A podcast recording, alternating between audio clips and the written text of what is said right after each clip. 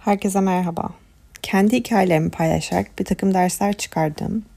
Zihnimin kıvrımlarına sıkışmış bilgi ve tecrübeleri adeta ütüleyip bir çarşaf gibi serdiğim podcast'ime hoş geldiniz. Ben Büşra Özgümüş.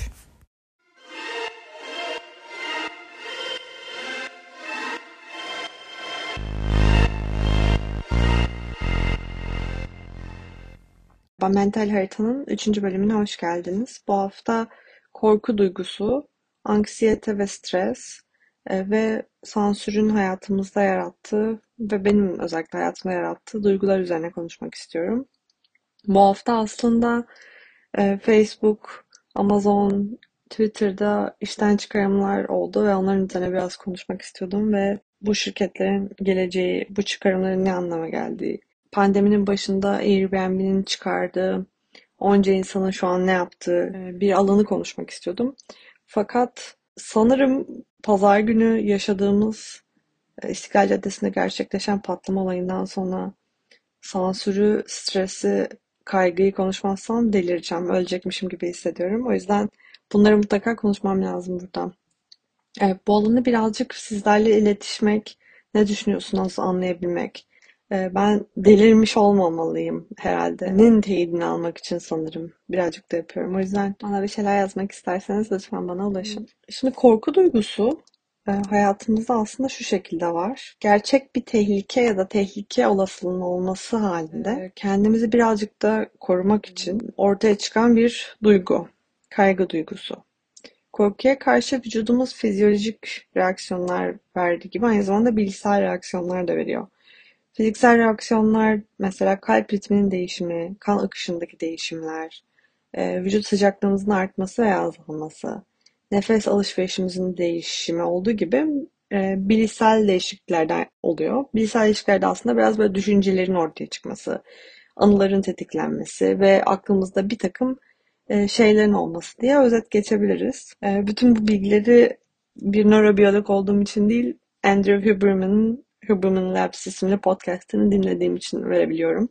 Öneririm dinlemek isteyen arkadaşlara. Şimdi korkuya dönem dönem maruz kalmamız gerekiyor. Atalarımızın avcı toplayıcı olduğu muz dönemlerde e, av sırasına çıktığımızda yani bu belki haftada bir, haftada iki e, av anında işte bir saatlik, üç saatlik, beş saatlik dönem içerisinde o tehlikeli anda bize bir e, avcının yaklaşıyor olduğu anda kendimizi korumamız için tetiklenen bir duygu. E, buna doğal olarak sürekli maruz kalıyor olmamız aslında beklenmiyor.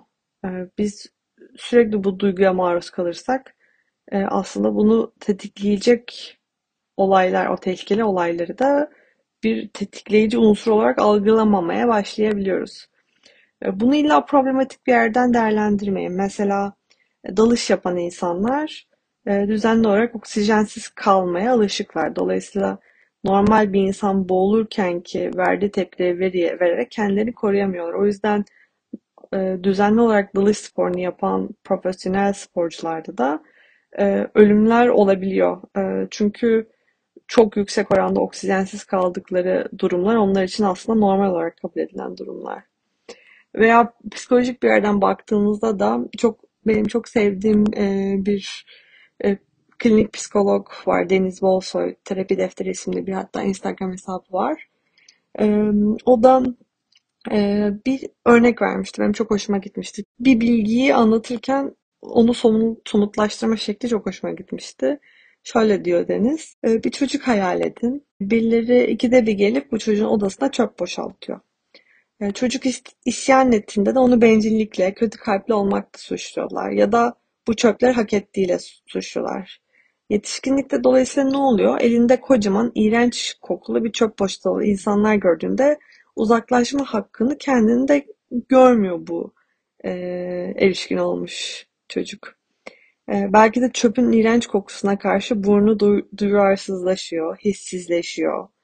Hissetse de kaçma hakkı olmadığına inandırılmış oluyor aslında ve e, kaçtığı zaman kırıcı olacağını ve ayıp edeceğini düşünüyor.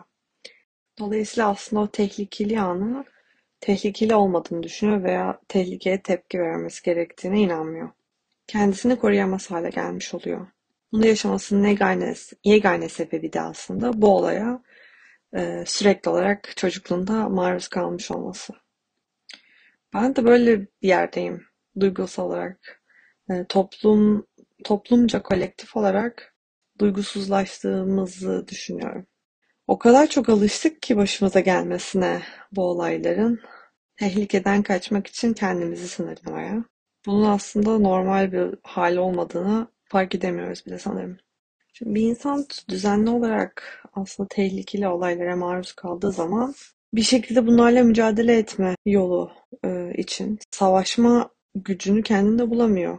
Siz normalde tehlikeli bir anda kalınca aslında vücudunuz fizyolojik olarak e, bu tehlikeli ana e, stresle cevap verince savaşmak için kendinizde o gücü buluyorsunuz.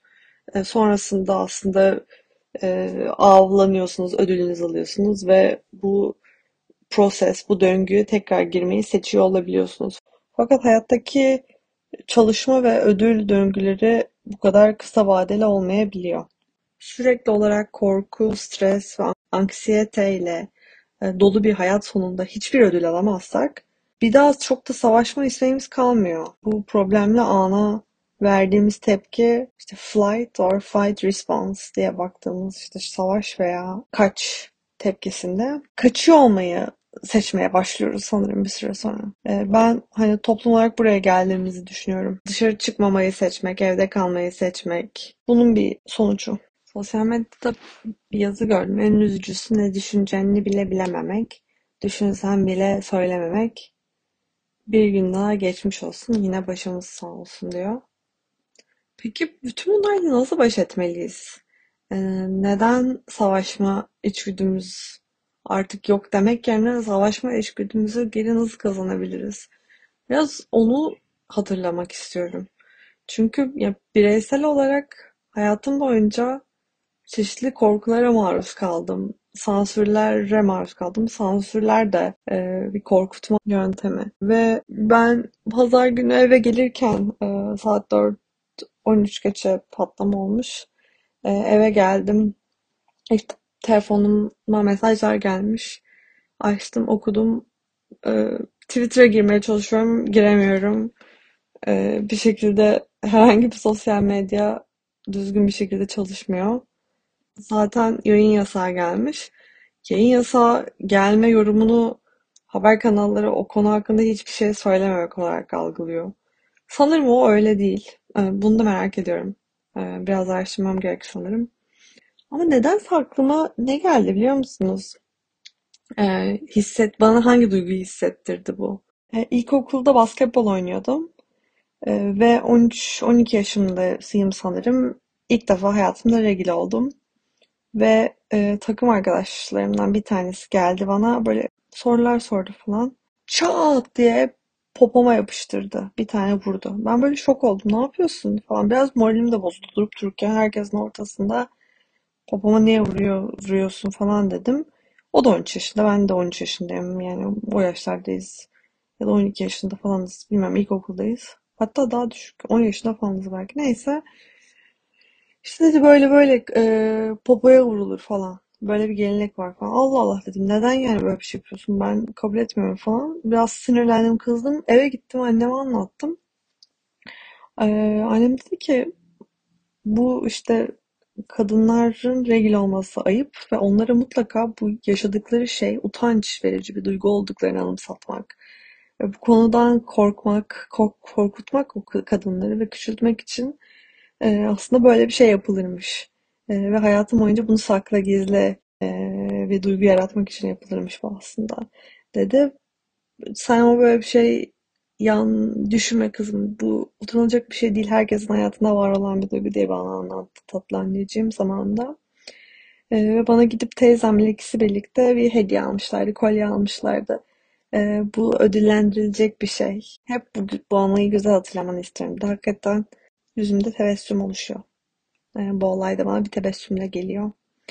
Sonra artık regl olmuştum ve her ay başıma e, regl olma durumu geliyordu. Benimle birlikte o dönem başka arkadaşlarım da vardı. E, ilk başta ben regl olduğumda e, bunu evet şu anda e, menstrual bir döngü diye bir şey varmış. Böyle böyle diye bütün arkadaşlarıma anlatmıştım. Bir kısım bana güldü, bir kısım normal karşıladı. Hatta yakın o zaman erkek arkadaşlarım bana sorular sormuştu nasıl bir şey olduğunu öğrenmek için. Ama biraz yaşım yükseldikçe, liseye geçtikçe, üniversite hatta e, üniversiteden sonra mezun olup işe girdiğimde e, her regil olduğumda çantamdan çıkardığım ped, tampon neyse onu saklayarak tuvalete gitmeye başladım. Bir şekilde yıllar içerisinde sindirildim. E, bunu saklamam, gizlemem gerektiği bana öğretildi. Ne zaman ki farkına vardım, yaptığım şey çok saçma. E, başıma benim elimde olmayan bir şekilde gelen bu durumu sürekli gizliyorum ve saklıyorum ve saklanılacak bir şey yapıyormuşum duygusuyla yaşıyorum. Ve bu beni oldukça aşağı çekiyor. Bunu böyle yapmamalıyım. Ne zaman bunu farkına vardım? Aslında e, duygu istediğimi söylemeye çekinmediğim bir sürece girdim. O zaman galiba özgürlüğümü geri kazandığımı hissettim. E, ve yaşadığım hayatım içerisindeki herhangi bir sansürde 10 yaşımdan 25 yaşıma kadar yaşadığım o 15 senedeki bastırılmışlığı hissediyor, hissettiğimi anlıyorum. E, ve özgürlüğü kendim seçmeye çalışmam gerektiğini farkındayım. Bu kimsenin bana öğretebileceği bir şey değil. Benim kendimin ancak savaşarak e, kendime geri alabileceğim bir konu. Bu sefer buradan çıkarılacak dersleri size bırakıyorum. Temennilerle terk etmek istiyorum. Huzuru bulduğumuz, özgürlüğe kavuştuğumuz, düşüncelerimizi özgür bir şekilde söyleyebildiğimiz, ne düşüneceğimizi de çok iyi bildiğimiz bir gelecek çok yakında. Görüşmek üzere. Beni dinlediğiniz için çok teşekkür ediyorum. Her pazartesi kendi girişimcilik hikayemi, buradan çıkardığım dersleri ve öğrendiğim bilgileri sizlerle paylaşmak ve görüşmek üzere. Hoşçakalın.